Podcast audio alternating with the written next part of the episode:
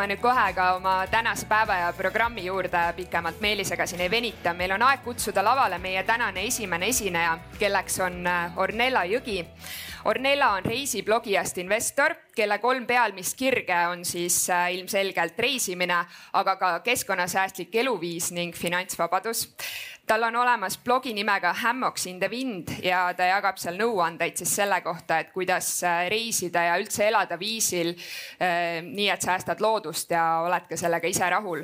aga Ornella eesmärk on teenida igas kuus ka tuhat dollarit passiivset tulu et siis finantseerida oma neid lõputuid rännakuid, mida ta kindlasti kavatseb veel väga palju teha. ja kuulake Ornellat hoolega, pärast loosime välja raamatuid kõige parematele küsijatele ja palume sind nüüd lavale, Ornella.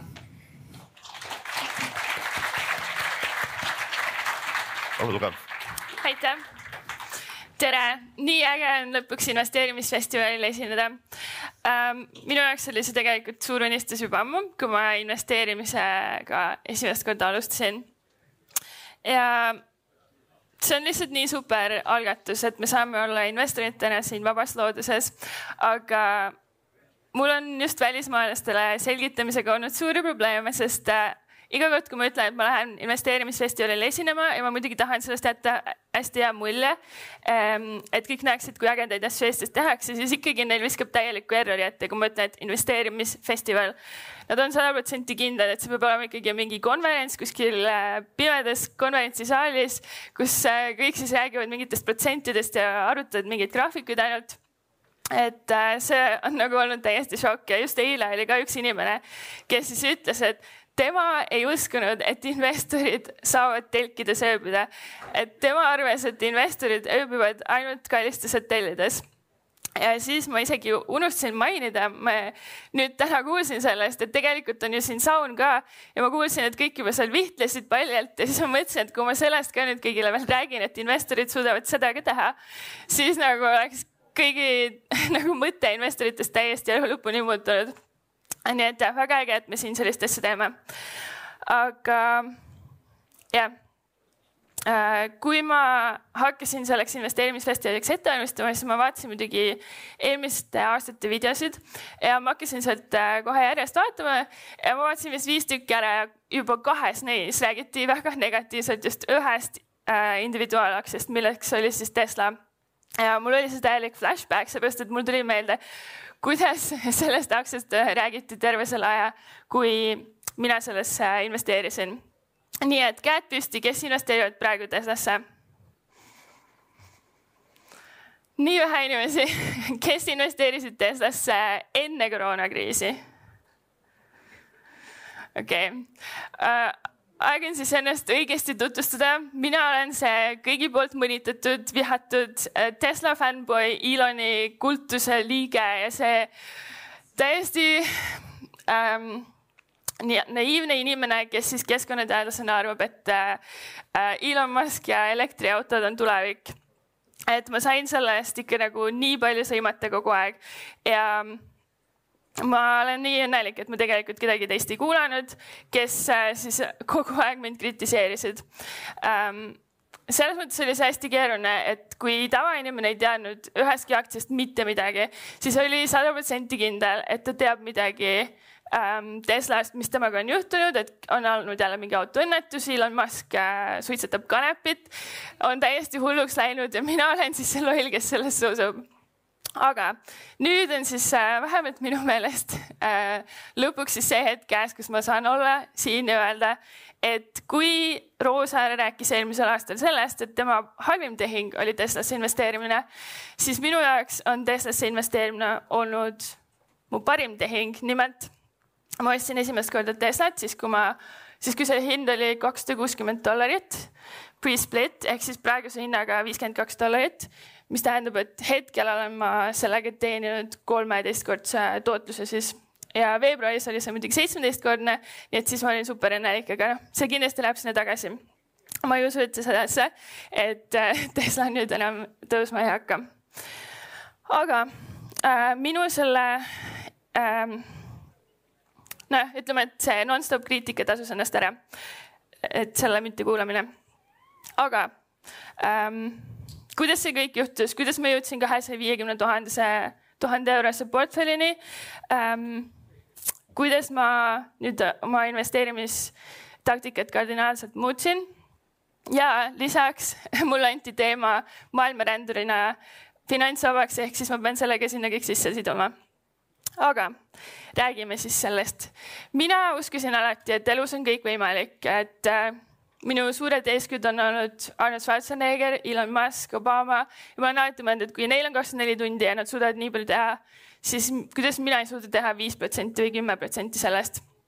et äh, esimest korda, kui ma finantsvabadusest kuulsin, ma olin nagu sada protsenti kindel, et ma suudan selle ära teha, sest matemaatiliselt oli see täiesti loogiline. ja äh, siis ma, see saigi minu uueks identiteediks, ma teadsin, et see on võimalik ja aga miks ma tahtsin finantsvabadust? kuna ma tahtsin maailmas ringi reisida ja ma tahtsin äh, õppida erinevates riikides ja minu ideeks ei olnud nagu reisida ringi aasta või kaks. minu ideeks oli reisida kõikidesse maailma riikidesse või vähemalt kahesaja viiekümnesse ähm,. käia kuskil Hawaii vulkaanide otsas, käia Machu Picchus, käia kus iganes mingis Lake Titicakas ja ma teadsin, et mul on selleks vaja palju finantsi ja vabadust ja muidugi ähm, üheks võimaluseks oleks olnud leida kõrgepalgaline töö, teha tööd kuskil kontoris, olla mingi investeerimispankur või tippadvokaat, teenida oma raha ära ja siis äh, miljonitega kuskil reisida ringi. aga muidugi ma otsustasin ähm, järgida oma südant ja ma ei tahtnud oma äh, unistusi lihtsalt maha müüa, seepärast et minu jaoks oli keskkond väga tähtis ja siis ma tegingi selle otsuse, et mina suudan töötada keskkonnateadlasena ja keskkonna nimel ja samal ajal siiski selle madala palgaga saada ähm, finantsvabaks. ehk siis ma võtsin lihtsalt selle sihi endale, et mina võin töötada nagu ükskõik kui palju, et see invest- äh,, finantsvabadus tuleb minuni niikuinii. et mul ei ole vaja kõrget palka. ja kahjuks ma tegin endale asja veelgi keerulisemaks, sellepärast et ma otsustasin ka õppimise ajal, et minust tegelikult ei tule kunagi üheksast viieni töötavat inimest. et ähm, ma ei hakka ülikoolis töötama, nagu alguses oli plaan ja tänu sellele mul oli vaja uut plaani, ehk siis ma otsustasin, et ma ikkagi hakkan äh, reisiblogijana ja tõlkijana siis äh, maailma vallutama. et äh, ma tegingi selle elu endal põhimõtteliselt liiga nagu, nagu hästi keeruliseks aga üks asi, millest ma siis ei tahtnud loobuda, oli keskkonnateaduse ja keskkonna nimel võitlemine. et ma sain äh, ülikoolis õppides aru, et see on nii kurb, et keskkonnateadlased ja bioloogid ei saa investeerimisest mitte midagi aru. Nad on täiesti selle vastased, nad mõtlevad kogu aeg, et nad panevad pea liiva alla, et nad ignoreerivad, et see asi üldse olemas on ja lihtsalt, kui nad ütlevad, et sa pead keskkonna kaitsma, siis äh, see lõpuks juhtub aga tegelikult ma nägin, et seda ei juhtu, sellepärast et kliima soojenemine oli kogu aeg nagu hullemaks minemas. liigid surid välja. ja ma tundsin ennast keskkonnateadusi õppides nagu kogu aeg selle inimesena, kes nagu rääkis tühjale seinale või nagu lihtsalt nagu keda keegi ei kuulanud, seepärast et raha alati tegi kõik otsused. ja ähm, siis ma otsustasingi, et ma hakkan keskkonda aitama läbi investeerimise ja et tänu sellele ma, ma ei pea olema üheksast viieni kontoris, ma võin, ma võin olla vaba, võin investeerida ja selle läbi ikkagi keskkonda aidata ja võib-olla isegi rohkem, kui ma oleks kuskil tolmuses ruumis seda suutnud teha. Ähm, ja muidugi kõige selle tehes ma ei lükanud reisimist edasi. ma jõudsin käia kolmekümne neljas riigis, enne kui koroona mu plaanid ära rikkus ja mind absoluutselt ei tõmmanud see, et ma pean ühe aasta ainult reisima, ma tahtsin reisida lõputult.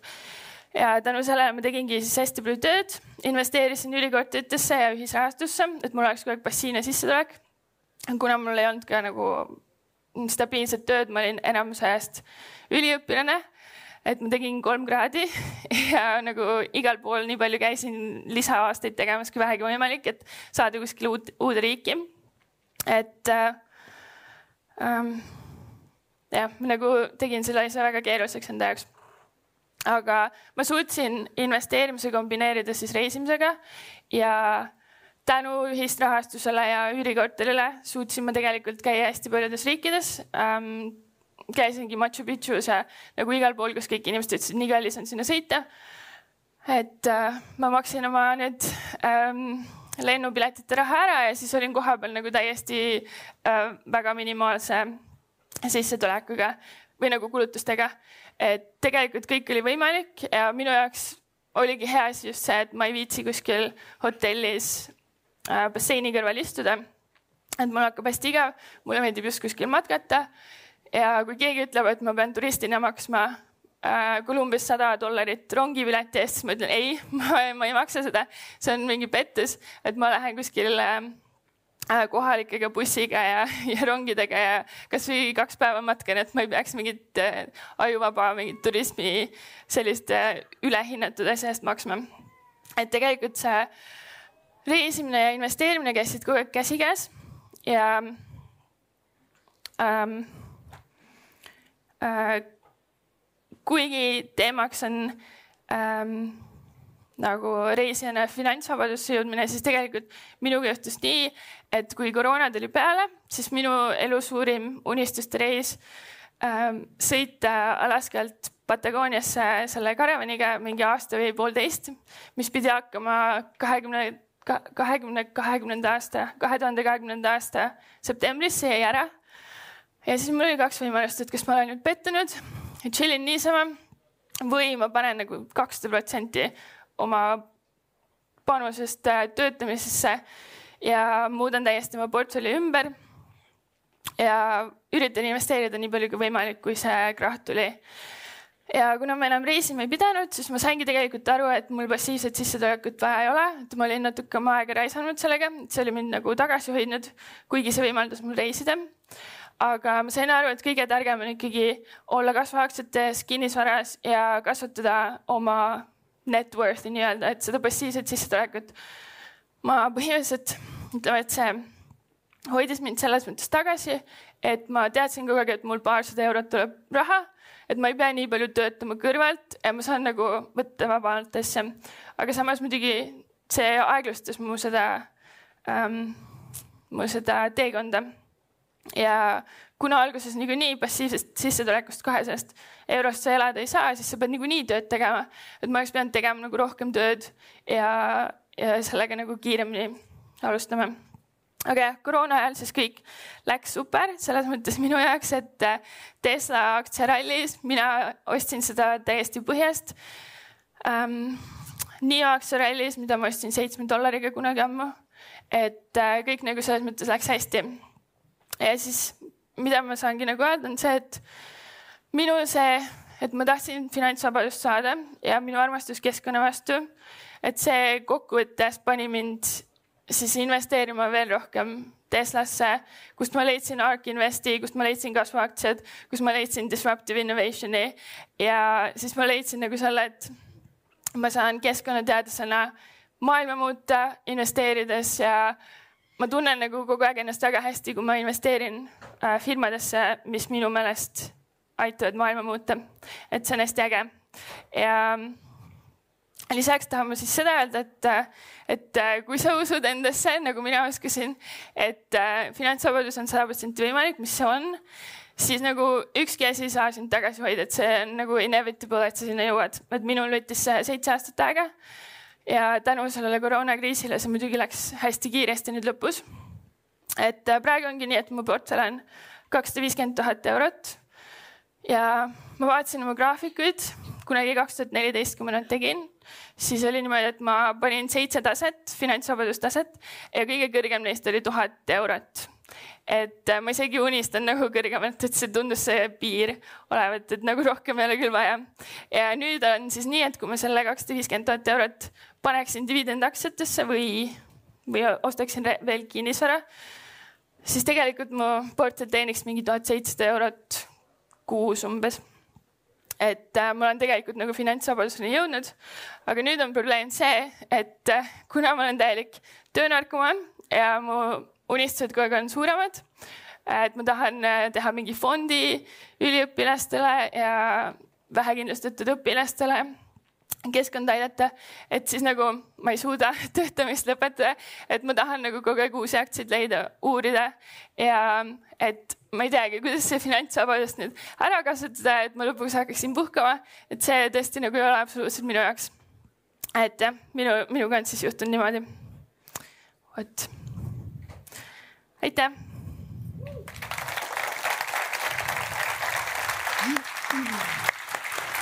nii suur-suur aitäh sulle, Ornella, väga inspireeriva loo eest ja võtame nüüd küsimusi ka siis publikult, mis äh, teil tekkis, juba on käed püsti.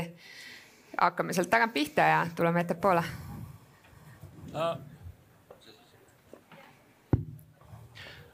me kuulsime e, imelistest Tesla tootlustest, et ma tahaks küsida pigem selles võtmes, et mis on kõige halvem tootlus olnud või kõige läbikukkunum äh, investeering, aitäh äh,? no seda on keeruline öelda, et ma ei ole nagu eriti oma investeeringuid ära müünud. praegu selle tehnoloogia crash'i ajal on mul palju späkke, millega ma siis nagu spekuleerisin warrant itega. et need on tõesti mingi viiskümmend prossa miinuses, aga ma ikkagi loodan, et nad taastuvad. ja need on muidugi väiksemad positsioonid, et ma hakkasin späkkide ja warrant itega spekuleerima et see nagu mu, mu portfelli nii palju ei mõjuta. ja osad asjad jah, mis on põhjas, et ma usun, et nad taastuvad. et praegu ma ei saa nagu midagi nii kardinaalselt rääkida, ma arvan, et paari aasta pärast oleks sellest parem rääkida, seepärast et mu see perspektiiv ikkagi on viis kuni kümme aastat, et äh, jah, praegu ma veel hoian ja ostan juurde. okei okay., ja nii, siin on ka käsi ah., tere hommikust. Eh, mina kui bioloog kergelt võib-olla vaidleks vastu siin mõnele väitele, aga eh, ühesõnaga üks küsimus, no Teslast oli juttu, aga Teslaga üksi maailma ei päästa eriti loodust ja keskkonda, äkki mõned muud, mis võiks välja tuua, kuidas, kuidas või mis aktsiatega, fondidega võiks nagu seda teha või kuidas te seda teinud olete või mis plaanid on? No mina olen kontsentreerunud elektriautodele, et äh, Tesla ja NIO on mu portfellis olnud ammu ähm,. mul on teised äh, elektriautod ka, näiteks äh, eelmine nädal ma just äh, investeerisin ühte startup'i, mille nimi on Apteere, millel on siis tuhat miili range'i ja nad reklaamivad ennast kui autot, mida ei pea kunagi laadima, sest neil on päiksepaneelid, mis annavad elektrit ja siis ma investeerin lisaks elektriautodele ka veel äh, näiteks ähm, vegan toidufirmadesse, Tattooed Chef, The Very Good Food Company. et selles mõttes vähendada liha ja sellise keskkonnakahju, keskkonnale kahjuliku asjade söömist. et äh, see mulle meeldib ka. näiteks võtame korra sealt ülevalt poolt ja siis jõuame siia ka. ja aitäh eh, väga hea ettekande eest, et eh, ma küsiksin, kas te oskate nimetada kaks-kolm riiki, kuhu kindlasti reisida ja miks äh,? Kolumbia äh,, Kolumbia soe coastline on hästi äge et seal on kogu aeg äh, soe party, kui sa kõnnid ringi, siis on igal pool muusika, sa saad lihtsalt tänaval tantsida ähm,. ja siis ma käiksin veel näiteks äh,. Ähm, kus ma käisin, Belize on hästi ilus ähm,. ja Meksiko, Meksiko, mulle meeldivad äh, hispaania keelt rääkivad riigid põhimõtteliselt kõik nii ja sealt ülevalt ja siis siit alt ka veel aitäh, mainisite erinevaid varaklasse, kuhu olete investeerinud, kasvuaktsiad ja kinnisvara ja, ja muud. Äh, mis on teie tänase portfelli allokatsioonid ja kui suur on Tesla konsultatsioon mm.? no mul on kakssada viiskümmend tuhat kokku, sellest äh, ma arvan, et mingi viiskümmend tuhat on äh, kinnisvara omaväärtus ja siis ülejäänu. mul on sada kaheksakümmend tuhat aktsiates äh,, USA aktsiates ja sellest saja kaheksakümnest tuhandest siis pool, ütleme, on Teslas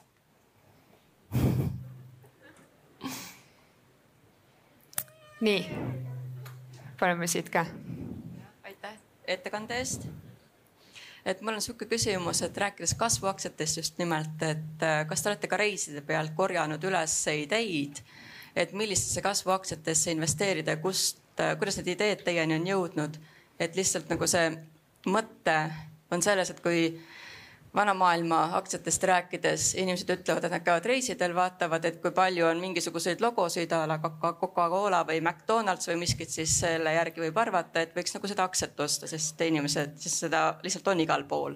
aga kasvuaktsiad ei pruugi nii hästi välja paista, et äh, sellest kontekstist ajendatult on see küsimus mm,. väga huvitav küsimus ähm,. ma otseselt niimoodi tegelikult ei ole investeerinud et ma arvan, kui ma Ameerikas oleks rohkem käinud, et ma olen Ameerikas veetnud USA-s ainult ühe päeva aga ameeriklastelt ma kogu aeg kuulen, kuidas nagu no sa näed, et kuhu Beyond Meat on jõudnud ja kuhu ta laieneb ja, ja kuhu Tattooed Chef on jõudnud ja, ja muidugi, kui sa näed Teslasid, mina näen kogu aeg Teslasid, siis ma olen nagu selle põhjal investeerinud. aga niimoodi logosid ma ei ole jah jälginud nii, aga suur-suur aitäh sulle, Arnella ja, ja soovime siis veel äh, väga pikki ja seiklusrikkaid reise ja häid investeeringuid. sa oled ilusti meil ka investori kaane peale pandud, näitan publikule ka korra ja tänase päeva jooksul siis meil kõik, kõik esinejad saavad ka väikse kingikoti siia sisse on Baltic Horizon pannud ühe kommikarbi. samuti Äripäeva raamatuklubi premeerib äh, ühe hea raamatuga, mille sa saad ise välja valida ja siit saab ka investori ajakirja värske, nii et suur aitäh sulle. suur tänu